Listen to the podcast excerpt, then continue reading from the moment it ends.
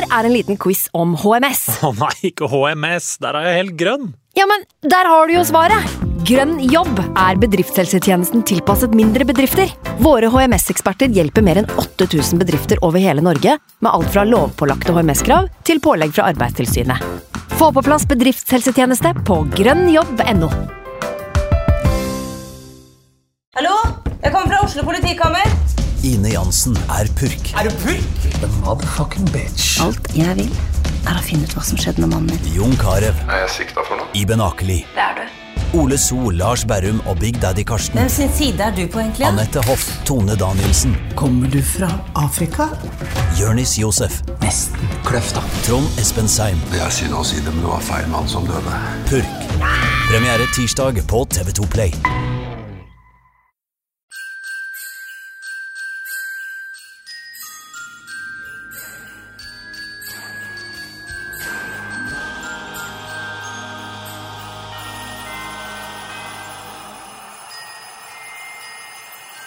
Det er 1. desember, og det er tid for premiere på vår julekalender. Som informert om i piloten til julekalenderen, så kommer det som sagt 24 episoder hvor det vil være mulig å være med i 24 konkurranser med minst 24 premier. Og vi må informere om at det er minst eh, 24 sponsorer også, så det blir litt grann reklame inkludert i podkasten. Det må folk tåle. Og til dere som ikke har hørt oss tidligere, mitt navn er Jonas Sundet, og med meg i dag så har jeg Frank Amundsen. I tillegg har vi også Snorre Feldal fast med i panelet, men i kalenderen her vil det bare være to av oss eh, tre samtidig. Så Jonas er med i alle episodene, mens jeg og han Snorre skal rotere litt på hvem som er med han Jonas. Da kjører vi bare i gang, da.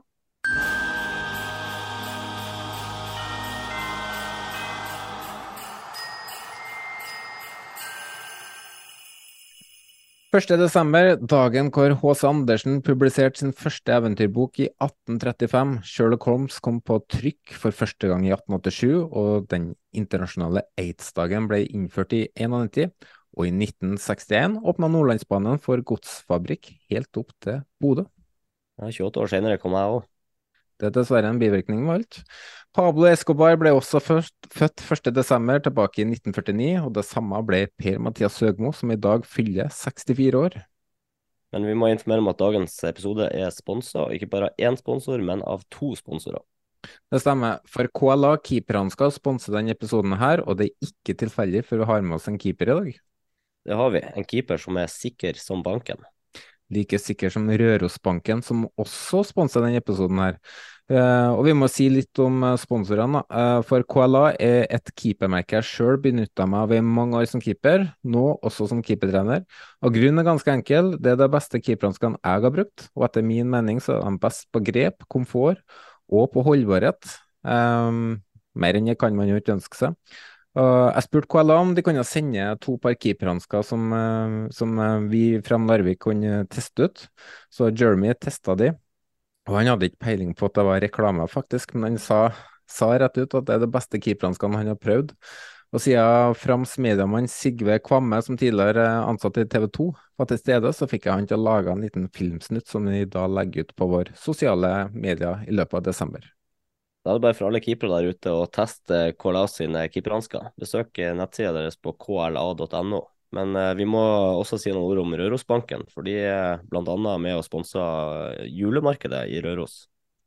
Ja, det gjør de, men det kan de få lov til å gjøre sjøl, så da kjører vi litt reklamesnutt. Torsdag 7. til søndag 10. desember er det julemarked på Røros.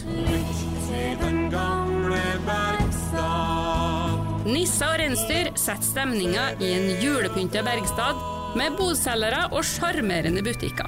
Vi har ordna med ekstra parkeringsplasser for både bil og bobil. Program og flere opplysninger finner du på julemarkedroros.no. Velkommen til ekte julestemning på Julemarked Røros 7.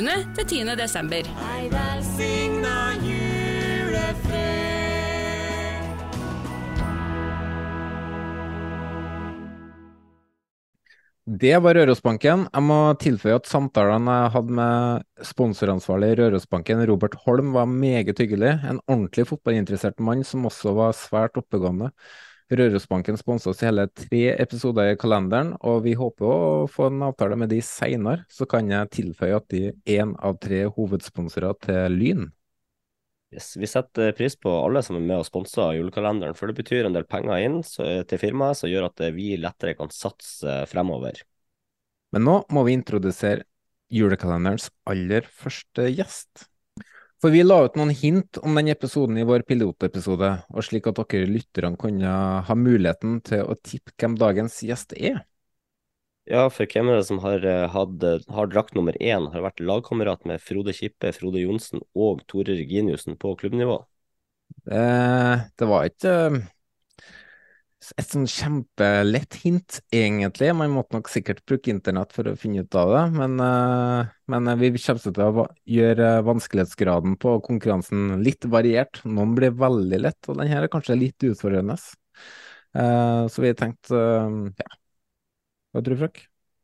Nei, det virker jo som at det er noen som har funnet ut av det her, da. Men vi kan jo bare la gjesten introdusere seg sjøl. Hvem er det som er bak luke nummer én? Det er André Hansen.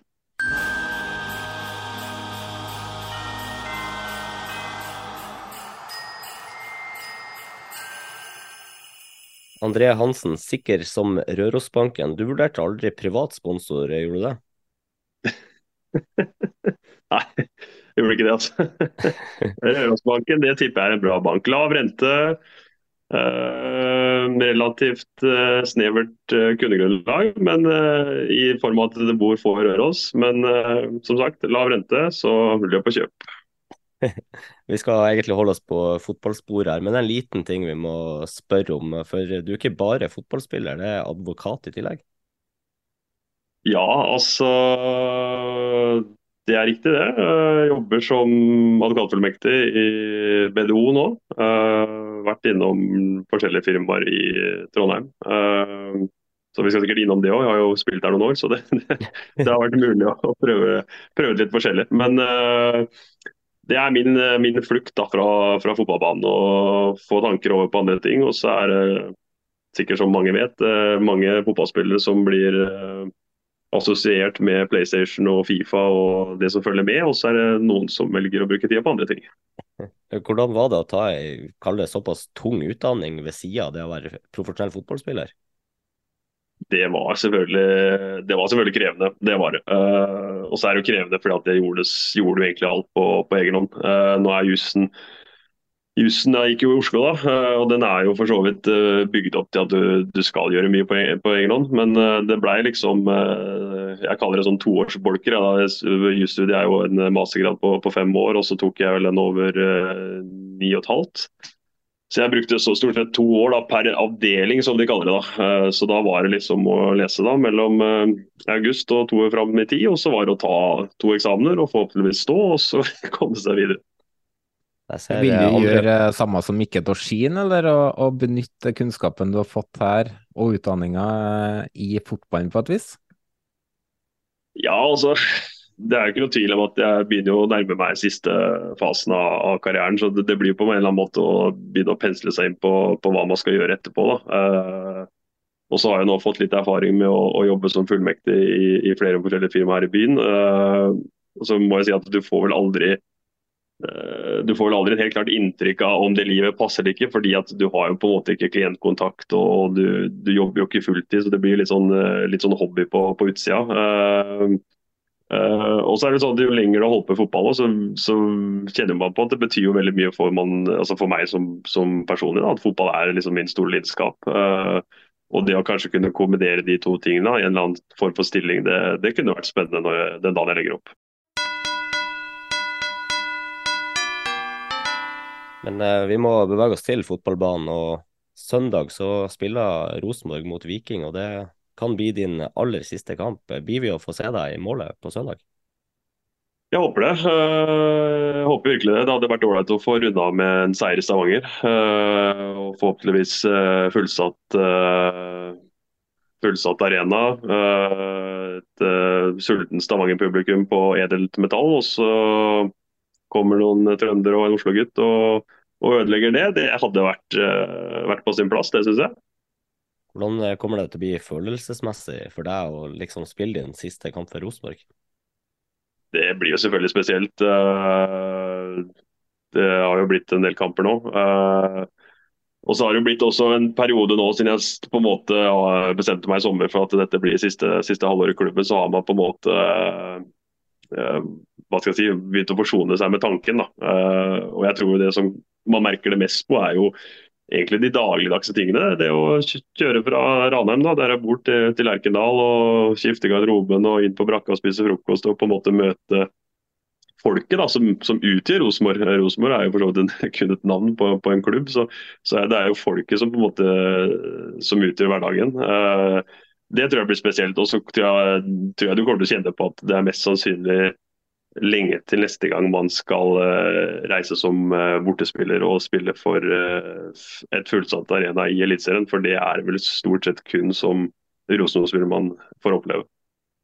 Men Du blir jo å dra fra Trondheim nå, og klart media spekulerte jo allerede i sommer når det ble klart at du, du var i siste sesong, at det kanskje blir Odd som blir i neste klubb. Er det noe du vil røpe for oss her, eller? Jeg tenker at det er så kort tid igjen nå, så, så, jeg tenker at vi klarer å la det ligge og, ligge, vente, ligge og vente litt til, etter den vikingkampen er gjort. Da har man på en måte fått, uh, fått runda Rosenborg og, og den uh, klubben. da, Om den er norsk i så fall, det får vi, det får man jo avvente og se. da, Så har på en måte den klubben runda, og, og, at man da kan uh, lande med begge beina før man på en måte starter på noe nytt. Så du får bare vente i spenning. Vi kan jo um, på en måte runde av. Nå er jo sesongen straks over. Uh, hva skal man egentlig si om årets sesong?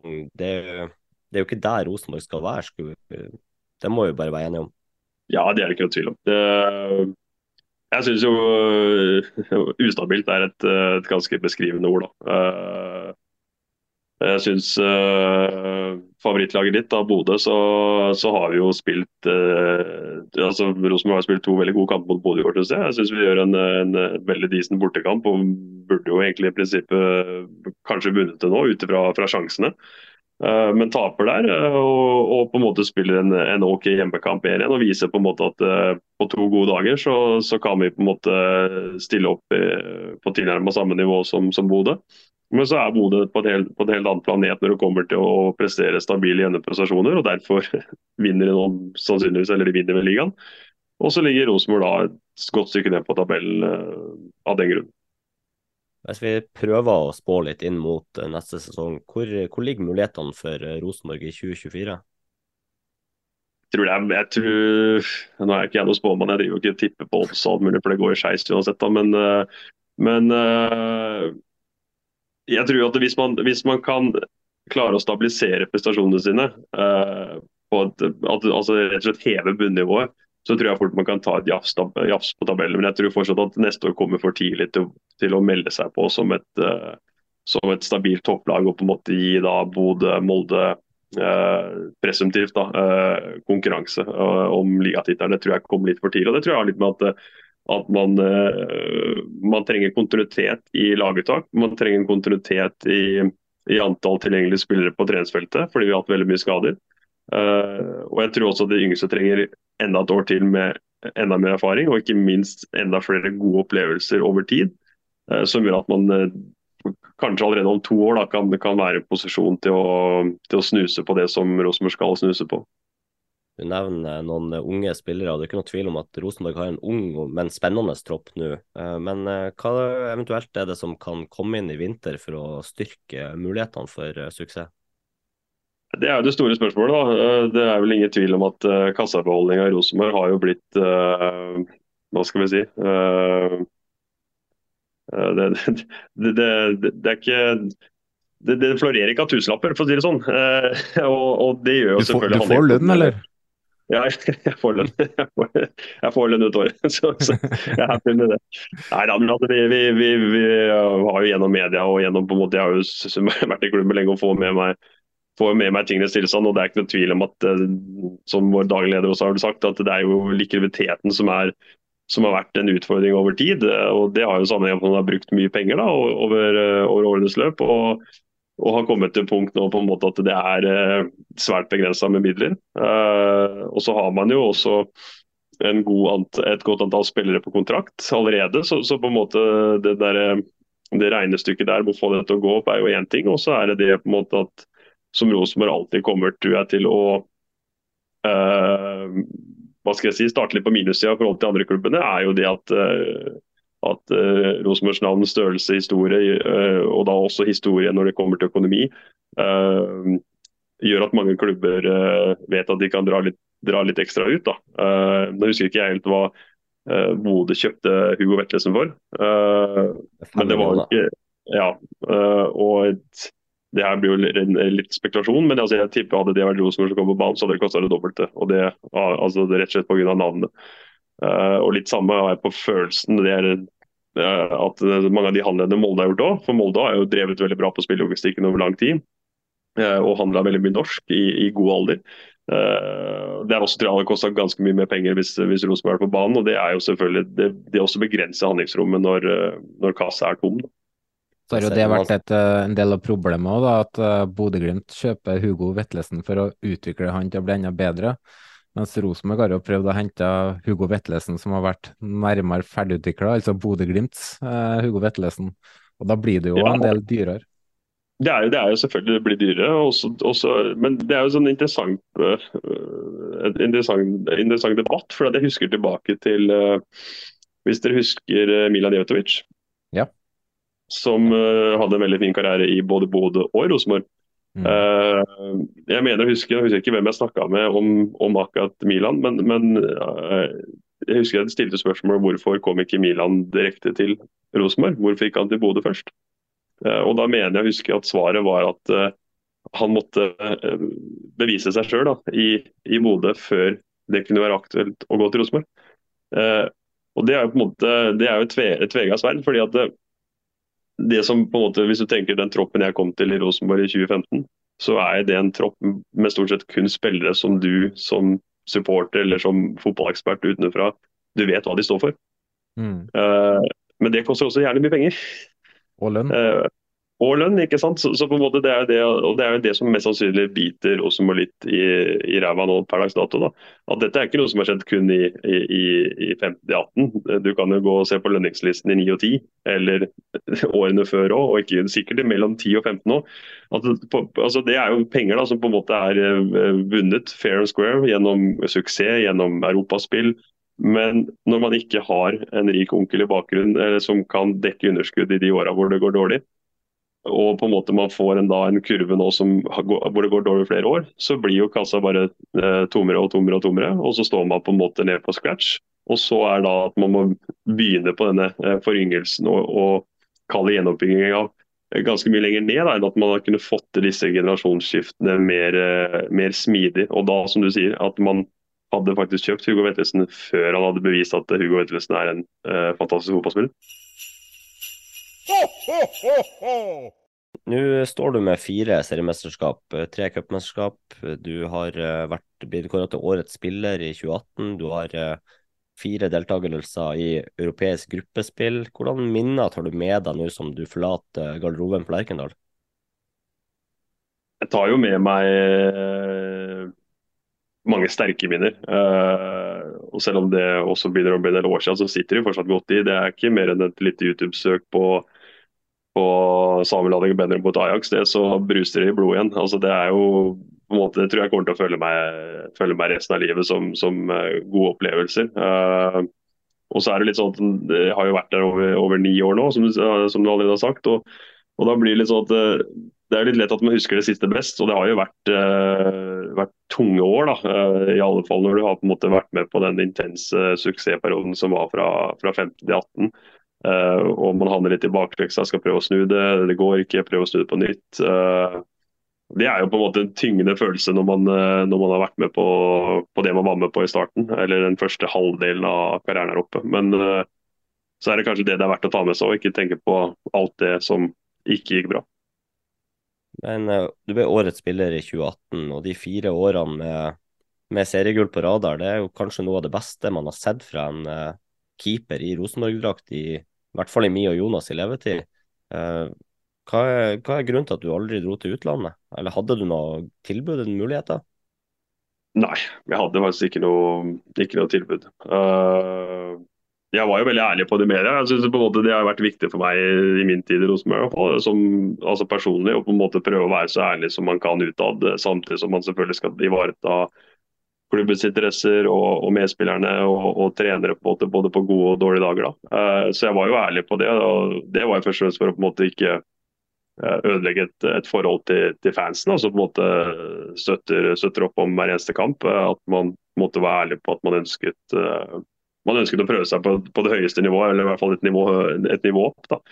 Uh, men det kom ingenting, og det, måte, det, var jo selvfølgelig skuffende der og da. og så, så er det jo liksom, når du ser etter dem, hva, hva annet skulle man gjort? da? Det, jeg, altså, jeg husker ikke om det var 2017 eller 2018.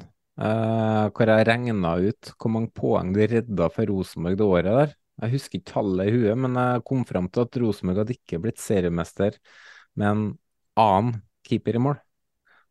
Nei, det var nok eh, Det var nok eh, det var, var hvis jeg også har jo blitt på en måte introdusert for statistikker etter hvert. og på en måte jeg husker jo det var Eirik Hornland som på en måte var den første treneren jeg var borti som på en måte var veldig opptatt av, av XG. da Uh, så, men jeg også sånn, og da vil jo på en måte på en annen side si at de tallene er jo ikke like, vært like gode de, de siste sesongene. men så, Da må jeg liksom snu litt på at uh, du sier at jeg redda poeng, men så var det samtidig noen som gjorde noe andre sida av banen òg, for at de, den redningen skulle bli verdt noe. Uh, og, så, så, Det viser jo på en måte hvor komplekst sammensatt, tilfeldig fotball er. da. Jeg husker jo fikk jo mye skryt f.eks. etter en kamp ned på Intility 2018 der vi hadde en bra frisparkredning på 2-2 på i par og nittere. Men så skårer Isa Bali på et eh, brassespark, saksespark, sånn at det blir faktisk tre poeng. Mm. Uh, og jeg husker, jeg husker, godt år etterpå, for 2019 var et frustrerende år med tanke på at man liksom gikk for å være så dominerende som vi var, da, til å på en måte slite såpass i, igjen i Rosenborg-målestokk. Uh, men det, det husker jeg veldig godt, men vi spilte borte mot Kristiansund uh, borte på høsten. Og så gjør jeg en uh, kanonredning på et nærskudd uh, 85 minutter på 2-1 til oss. Og så skårer de på corneren. Ja. Så på en måte der ser du hvordan på en måte altså ting avhenger av hverandre. Da. Så, så den redninga som Issam på en måte sørga for ble en matchvinnende redning på, i Oslo året før, den hadde da veldig, i hvert fall betydelig mindre uh, betydning i en annen kamp år etterpå fordi at motstanderen da skårte. Så det er liksom Ja, det er skal ikke verken uh, overvurdere eller undervurdere tall, men det er jo en del av gamet, det òg. Men på en måte det, at man på en måte hadde en uh, viktig rolle i likhet med mange andre i de gule åra, det, det, er nok ikke til å legge skjul på. Og så er det jo det å ha et godt forsvar foran deg som presser ballfører eller avslutter til å ha en si, mindre opplagt skåringsmulighet, som gjør at du får flere redninger. Det er et par kamper du har stått der du nærmest vært hjelpeløs. Jeg husker spesielt uh, Tromsø borte i fjor, hvor man rygga inn i egen femmeter tre ganger på rad der. så det, det, er, ikke det, er ikke, det er ikke noe tvil om at uh, på en måte uh, at det kollektive forsvarsspillet vi i Rosenborg har utøvd over, over, over, litt tid nå, ikke har vært i nærheten av det vi klarte å, å gjøre i gullåra. Og på en måte at, som jeg sier, at vi har hatt en foryngelse. Vi har hatt en eh, Pga. økonomi så har vi henta mer potensial enn ferdig, ferdig vare. Da, på en måte.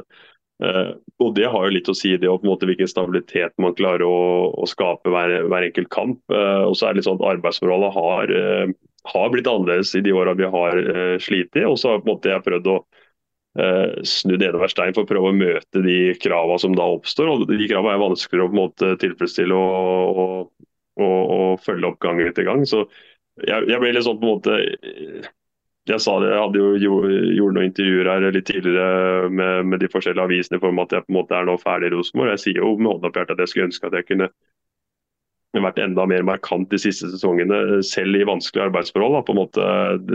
Men jeg kan også si at det hadde på ingen måte gitt avkastning i form av seriegull, men vi hadde mest sannsynlig i hvert fall kanskje fått noen færre baklengsmål og, og kanskje vippa noen flere poeng i på en måte Eh, i, i rett favør. Men, men, det er som du sier, altså, hvis du ser litt på disse, Du har jo vært inne på statistikk, da, men hvis du går inn og ser litt på, på ulike maps, da, hvor avslutningen kommer fra og hva som skjer i forkant, så, så er bildet annerledes. Men Det er jo en del av fotball, altså, da må vi prøve å selvfølgelig møte de kravene. Så har man klart det delvis, men ikke like sterk grad når forholdet var noe enklere.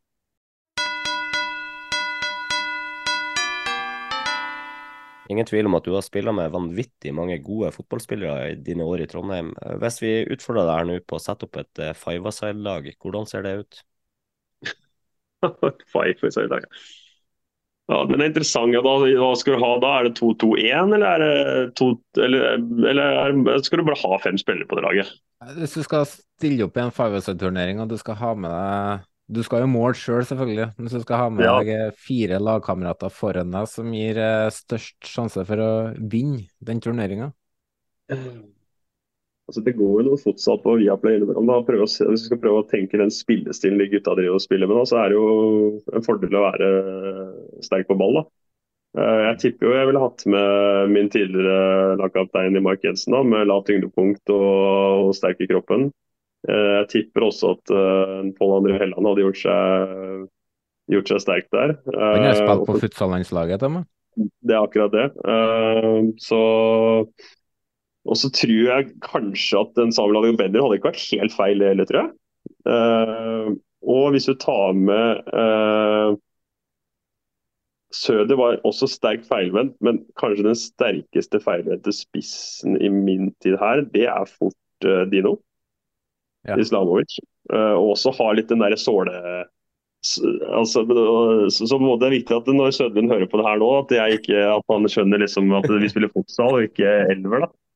Og så kan du si at kanskje Tore ikke er den råeste med ballen, men har hatt en sånn bikkje bak der som kunne tatt av, seg, tatt av seg det som eventuelt eh, kom andre veien, så tror jeg vi hadde stått ganske sterkt. altså. Ingen Niklas Bentner? Ja, altså det han kan være trener. Han skal jo bli trener, skal han ikke det? jeg ser på Instagram at han driver og trener, i hvert fall. Men ja. uh, når du er først innom Niklas Bentner altså, uh, det, det, det, er noen ting som mm, fester seg da, som Rosenborg-supporter. Du, du, opplever seriegull, cupgull, jeg husker tida Champions League, Europa League. Det er mange minner. men og så har du den opplevelsen når uh, Bentner signerer for Rosenborg halv tolv, tror jeg det var den kvelden jeg satt og trykket på F5 på uh, tastaturet for å se hvem det er. Og man har liksom litt håp. Hvem er det? Hvem er det? Og så har man litt drømmer, og så plutselig er det Niklas Bentner. Og så media fra hele verden omtrent på treningsfeltet etterpå. Åssen var det for deg som spiller å, og jeg vet ikke hvor mye dere ble informert uh, klubben, men uh, skal si, våkne opp? Nei, det, det, det, kom ut av det blå. det der Vi var jo nede på Marbella. Uh, og hvor han plutselig dukka opp. og Jeg tror Mike hadde hatt kjennskap til det en lengre periode. Uh, både ved at han var kaptein og sikkert hadde en god dialog med Kåre og Stig Inger. sikkert. Som var, det, var han som, det var han som spilte inn for Kåre først? Ja. Så jeg mener husk at vi, i hvert fall jeg hadde ingen anelse når han plutselig dukka opp der. og når vi, husker når vi gikk til første treningen, hadde banen lå rett nedenfor hotellet. og det var eh, ti pluss eh, på, på, mediefolk, da, og det var store greier, altså. Så altså det Nei, At man kunne få en sånn type spiller til Rosenborg, det var jo ganske stort. Uh, og det var jo det var jo på en måte også en suksesshistorie, eh, egentlig i bunn og grunn. Det som er, Hvis man tenker tilbake til, til eh, sommernatten, Mm. Hvis Niklas ikke hadde blitt skada, og han mest sannsynlig da hadde fått spille i det verdensmesterskapet, og mest sannsynlig blitt solgt til eh, en større klubb igjen, så hadde det her vært en, en, en solskinnshistorie uten like. Eh, men så skjer jo det at han får den strekken. Eh, det blir ikke noe verdensmesterskap, eh, turbulent høst, og så da fotlenke eh, vår 19. Så på en måte Ja, det, det, da, da, blir det liksom det siste man husker igjen. ikke sant? Men jeg tenker jo liksom både som spiller og som supporter, mest sannsynlig, og da snakker jeg på dine vegne, men uh, jeg kan med hånda på hjertet si at jeg har ikke spilt med noen bedre fotballspiller enn Niklas Bentner. Men så er det også mange måter å definere en fotballspiller på. Uh, når det kommer til teknikk, fotballforståelse, utførelse. altså jeg har ikke vært borti, borti det, det, nivået der på, på en enkeltspiller i, i, min tid. Men så har selvfølgelig ikke jeg spilt i Premier League heller. Men, men, uh, men, så er det andre ting som andre spillere er bedre på når det kommer til pressintensitet, løpskraft, duellkraft osv. Så, så, så da er man tilbake til hvordan ting flyter i et lag, hvordan setter man opp laget. Men Jeg tror alle husker f.eks. første målet mot Odd på Lerkendal i 17, hvor han stiger til værs og knuser Espen Rudi på bakkestolpe. Så var det Milan Jevntovic som slo det innlegget, hvis jeg ikke husker helt feil? Det kan det fort være mulig. Og jeg husker også en ytterside på Aker Arena. Åh. Som er brukbar, altså, som ikke jeg tror mange drar opp i norsk fotball. Så altså, jeg mot tenkt, eh, ja, jeg har tenkt mye på det sånn i ettertid at, uh, at uh, mange har jo spurt liksom, eh, opp gjennom de siste åra hvorfor har Rosenborg endt der de har endt. og så er det liksom det er som sagt komplisert, komplisert svar på. og eh, Når er det det begynte å bytte? og, og Vi kan vel alle være innom hva som skjer sommeren 2018 og de valgene som blir gjort da. Eh, og Jeg har også nevnt det litt at eh, vi har nok en litt sånn kanskje en viss negativ utvikling i spillet vårt fra 17 og utover, i form av at vi på en måte ikke er høsten eh, 17. Da begynte Ja. pila å peke ned. Ja.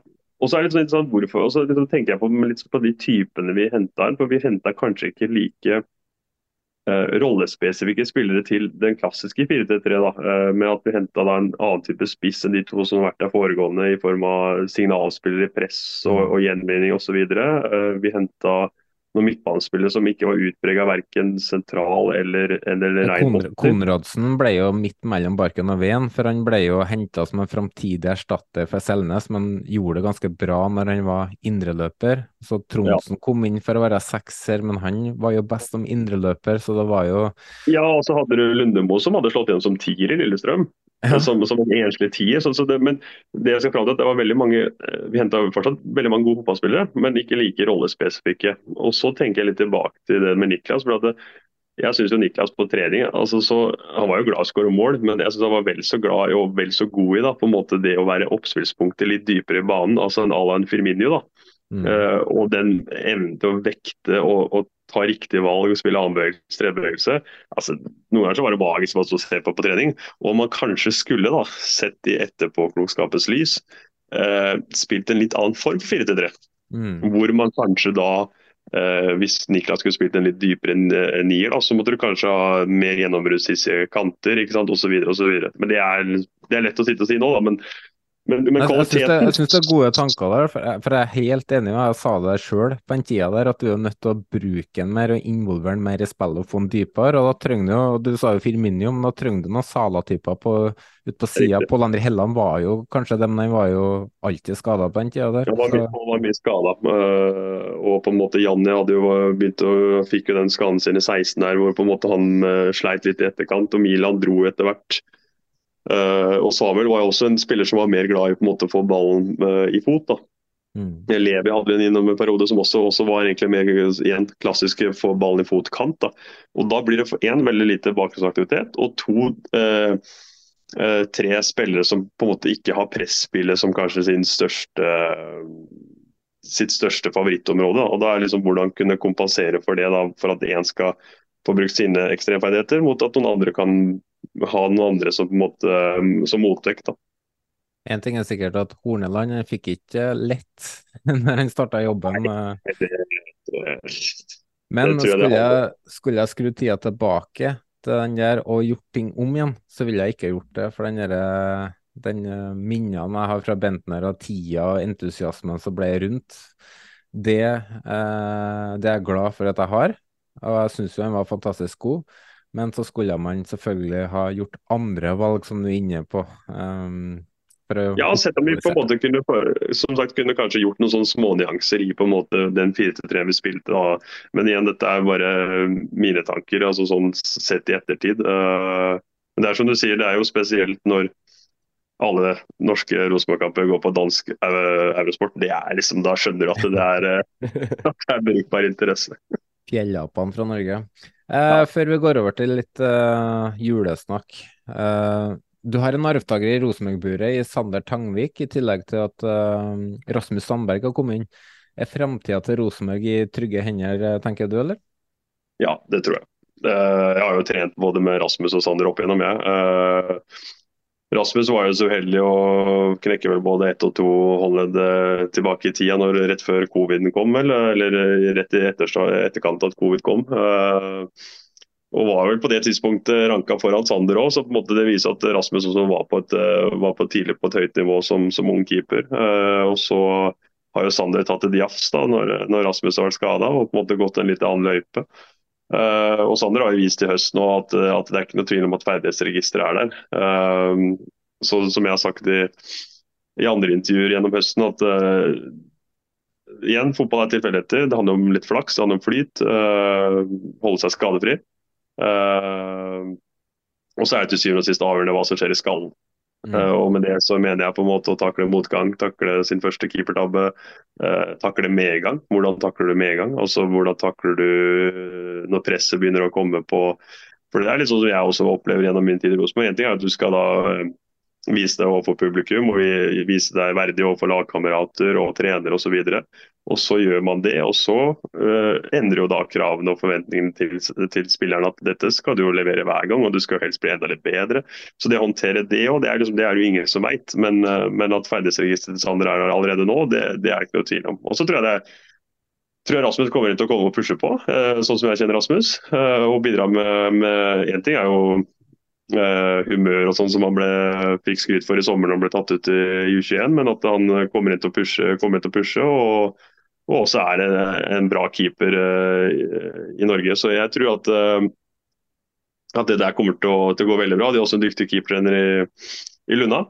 Så, så, med alle mulige forbehold så, så, har jeg veldig stor tro på at det skal gå veldig bra. Og det er også ekstremt kult at det nå er to trøndere som skal på en måte ikke at jeg er en trønder, men jeg har vel blitt en skaptrønder. Så det er, liksom, det er litt artig da, på en måte for, for de som følger Rosenborg tettest.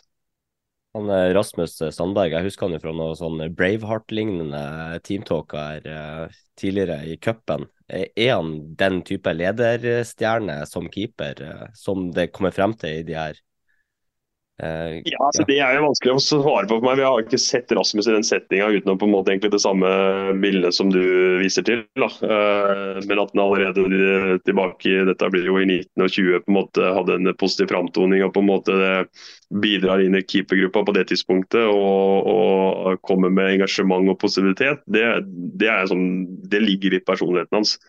Og så uh, er det for han nå på en måte å komme inn og gjøre de vanlige ting og være seg sjøl selv om på en måte det er Rosenborg øh, han skal inn i. da. Så, så, Jeg tror det blir bra, og jeg tror også det passer bra med, med gruppedynamikken som er her nå. Det er mange unge gutter, det er mange unge trøndere som på en måte er lettere å komme i den gruppa og, og ta den plassen tror jeg nå, enn det kanskje ville vært for øh, sju-åtte år siden.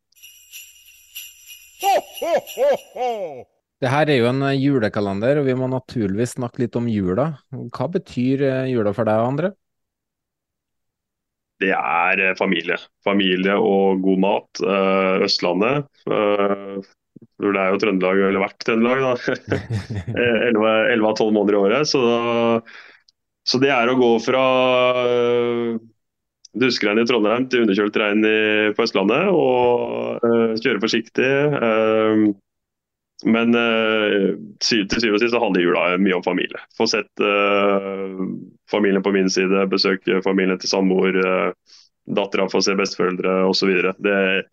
Julegaven er liksom ikke det store lenger. Det begynner vel å bli noen år siden. Så, og det blir litt ekstra når man er fotballspiller, er veldig mye borte fra, fra den delen av familien. Så er det stas å komme hjem igjen. Har du noen planer for jula her, da? Eh, ja, det blir vel å Den jula her blir jo å etablere den nye basen. så og Den er jo på en måte allmennkjent. altså Tilbake til spørsmålet hvor jeg skal spille, det får dere ikke svar på. og, det, og dere, skal, dere, vil sikkert dra noen eh, slutninger og konklusjoner ut fra det jeg sier nå, men basen blir jo i, i Skien. Vi har kjøpt oss hus i Skien. og Det er der vi på en måte ser for oss å tilbringe de mange neste åra. Vi pendler jobb til Sandefjord. Ja, og så er det jo, som jeg sa til en journalist som ringte deg for eh, noen uker tilbake, altså det er jo det er jo et kort til Torp, og der går jo mange fly. det er jo Polskeligaen er jo ikke langt unna da. og det har jo Batteferja over til Moss, så er det jo i Fredrikstad og Sarp. Og det er ikke lange veien til Gøteborg, Så det er liksom, det er ikke hugget i stein, da. Men uh, vi får nå se. Eh. Fram Larvik er kanskje? noe, Eller? Ja, Fram Larvik. Eh, ja, han er på utgående kontrakt, han ja. Miguel Vieira. Så, um, men uh, Ja, vi, vi, får se, da. Jeg må, ja. jeg kanskje få til et prøvespill der, så ser vi. Ja. Eh, juletradisjoner, er det noe du er opptatt av, eller? Uh, ja, både òg, vil jeg si. Altså, vi har uh, gjennom egentlig hele min, uh, mitt liv hatt en sånn type første juledag-samling på, på farssida av familien. hvor vi stort sett er alle mann som dukker opp til en sånn julebrunsj. Så det har jeg på en måte satt pris på egentlig alle år, både som barn og også som tidlig voksne, hvor på en måte det venta noe sånn første julekveld med gutta i Oslo sentrum. Så var det liksom først måtte på, måtte på brunsj. Men og så har det blitt desto hyggeligere når du sjøl har fått barn og på en måte møte, møte opp på en sånn, sånn, ting. Da. Men utover det så er det vel Det er ikke julebukk og det er ikke kirke og, og, de tingene der, men full respekt for de som, som ønsker det. Eh, julaften, hva foretrekker du å spise? Er det pinnekjøtt eller er det ribbe?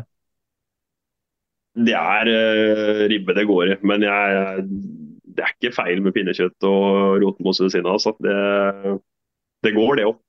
Det er ribbe hver jul, eller? Ja, ribbe hver jul. Vi har ikke noe vi har ikke noen vestlendinger i familien, eller vi har vel faktisk det, men uh, hun får vel ikke trumfa gjennom pinnekjøttet. Så da, da blir det ribbe.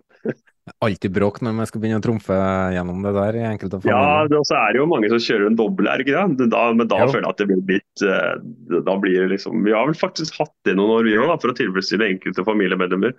Eh, og da blir det vel mye å skal skyve innpå med, syns jeg.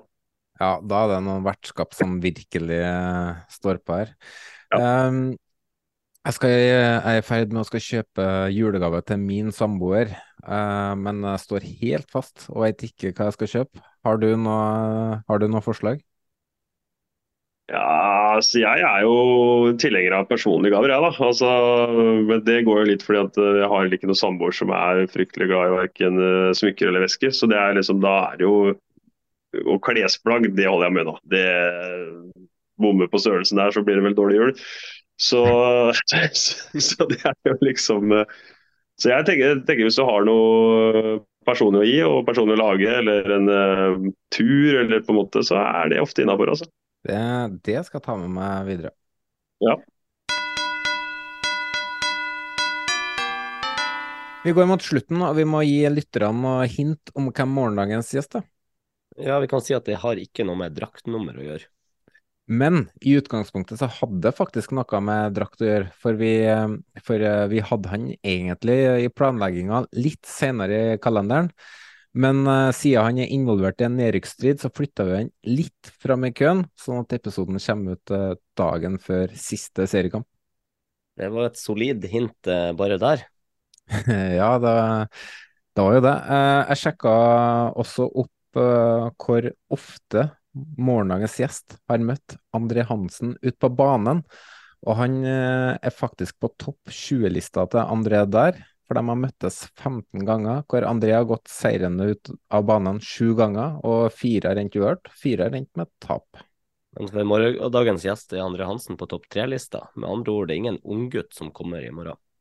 Det er han ikke, men han er yngre enn oss. Uh, han er også seriemester to ganger, selv om han kanskje ikke fikk bidratt så mye de to sesongene. Og han har en kontrakt som går ut nå 31.12., med mindre det har skjedd noe som vi ikke har fått med oss. Han har uh, spilt i fire eliteserieklubber, så får vi se om det blir en ny kontrakt eller om han finner seg en ny klubb. Uh, det kan vi kanskje finne ut av i morgen. André, vet du hvem det her kan være, eller? Jeg har en uh, formening, da. men det er tross alt ikke jul enda, så jeg drar på med et hint til deg. Jeg tipper han er trønder, jeg. Det er godt tippa. Jeg tipper du vet hvem det er. Ja. eh, hvis du som lytter vet hvem det her er, så send inn ditt forslag til oss, enten ved å kommentere under episodebildet, send oss en DM eller eh, send røyksignaler opp til Frank, så, eh, så er du med i trekninga om ei trøye til denne spillerens nåværende klubb. Yes, og vi må sende en stor takk til Jan Erik Balto som laga alle våre episodebilder. Og vi må takke dagens episodesponsor, KLA Kipranska og Rørosbanken. André, det har vært en glede å ha deg med som gjest, og jeg er nødt til å benytte anledninga for å takke deg eh, for tida i Rosenborg. Det har vært noen fantastiske år med noen vanvittige oppturer, men også nedturer, som vi har eh, vært inne på. Tida di i Rosenborg vil nok aldri bli glemt, og jeg tror jeg snakker på vegne av de aller fleste når jeg sier at du er en av de største legendene i nyere tid. Så takk for alle opplevelser, og jeg unner deg alt godt i framtida. Selv takk. God jul, Andre. Tusen hjertelig likeså.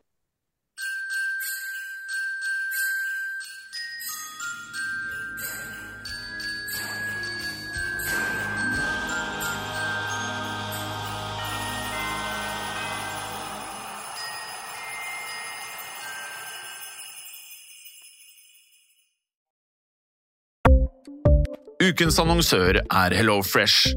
HelloFresh er verdens ledende matkasseleverandør og kan være redningen i en travel hverdag. Mange av oss har nok vandret i butikken både sultne og uten en plan for middagen, som ender med at vi går for de samme kjedelige rettene gang på gang.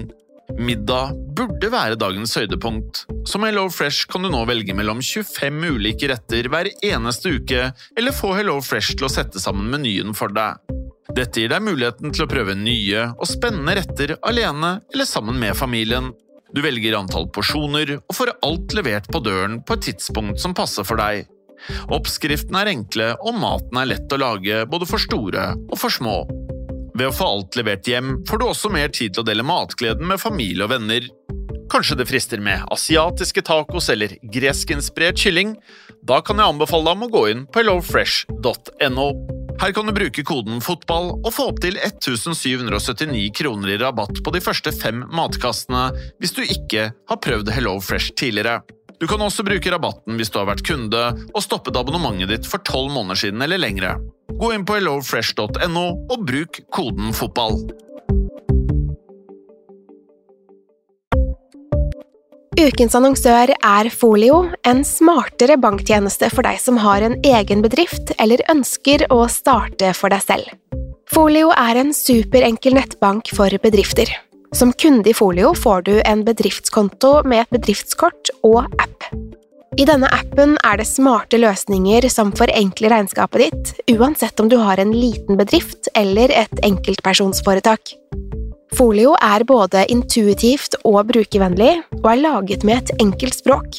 I tillegg tilbyr de forutsigbare priser og ingen skjulte gebyrer. Skulle du likevel trenge det, så kan du snakke med deres raske og hyggelige kundeservice, og der får du prate med en faktisk person og ikke en chatbot. Folio er med andre ord både enklere og koseligere enn banken. Over 10 000 bedrifter har allerede valgt Folio som sin banktjeneste, så besøk folio.no og se hvordan Folio kan forenkle din hverdag også. Har du et enkeltpersonforetak eller en liten bedrift?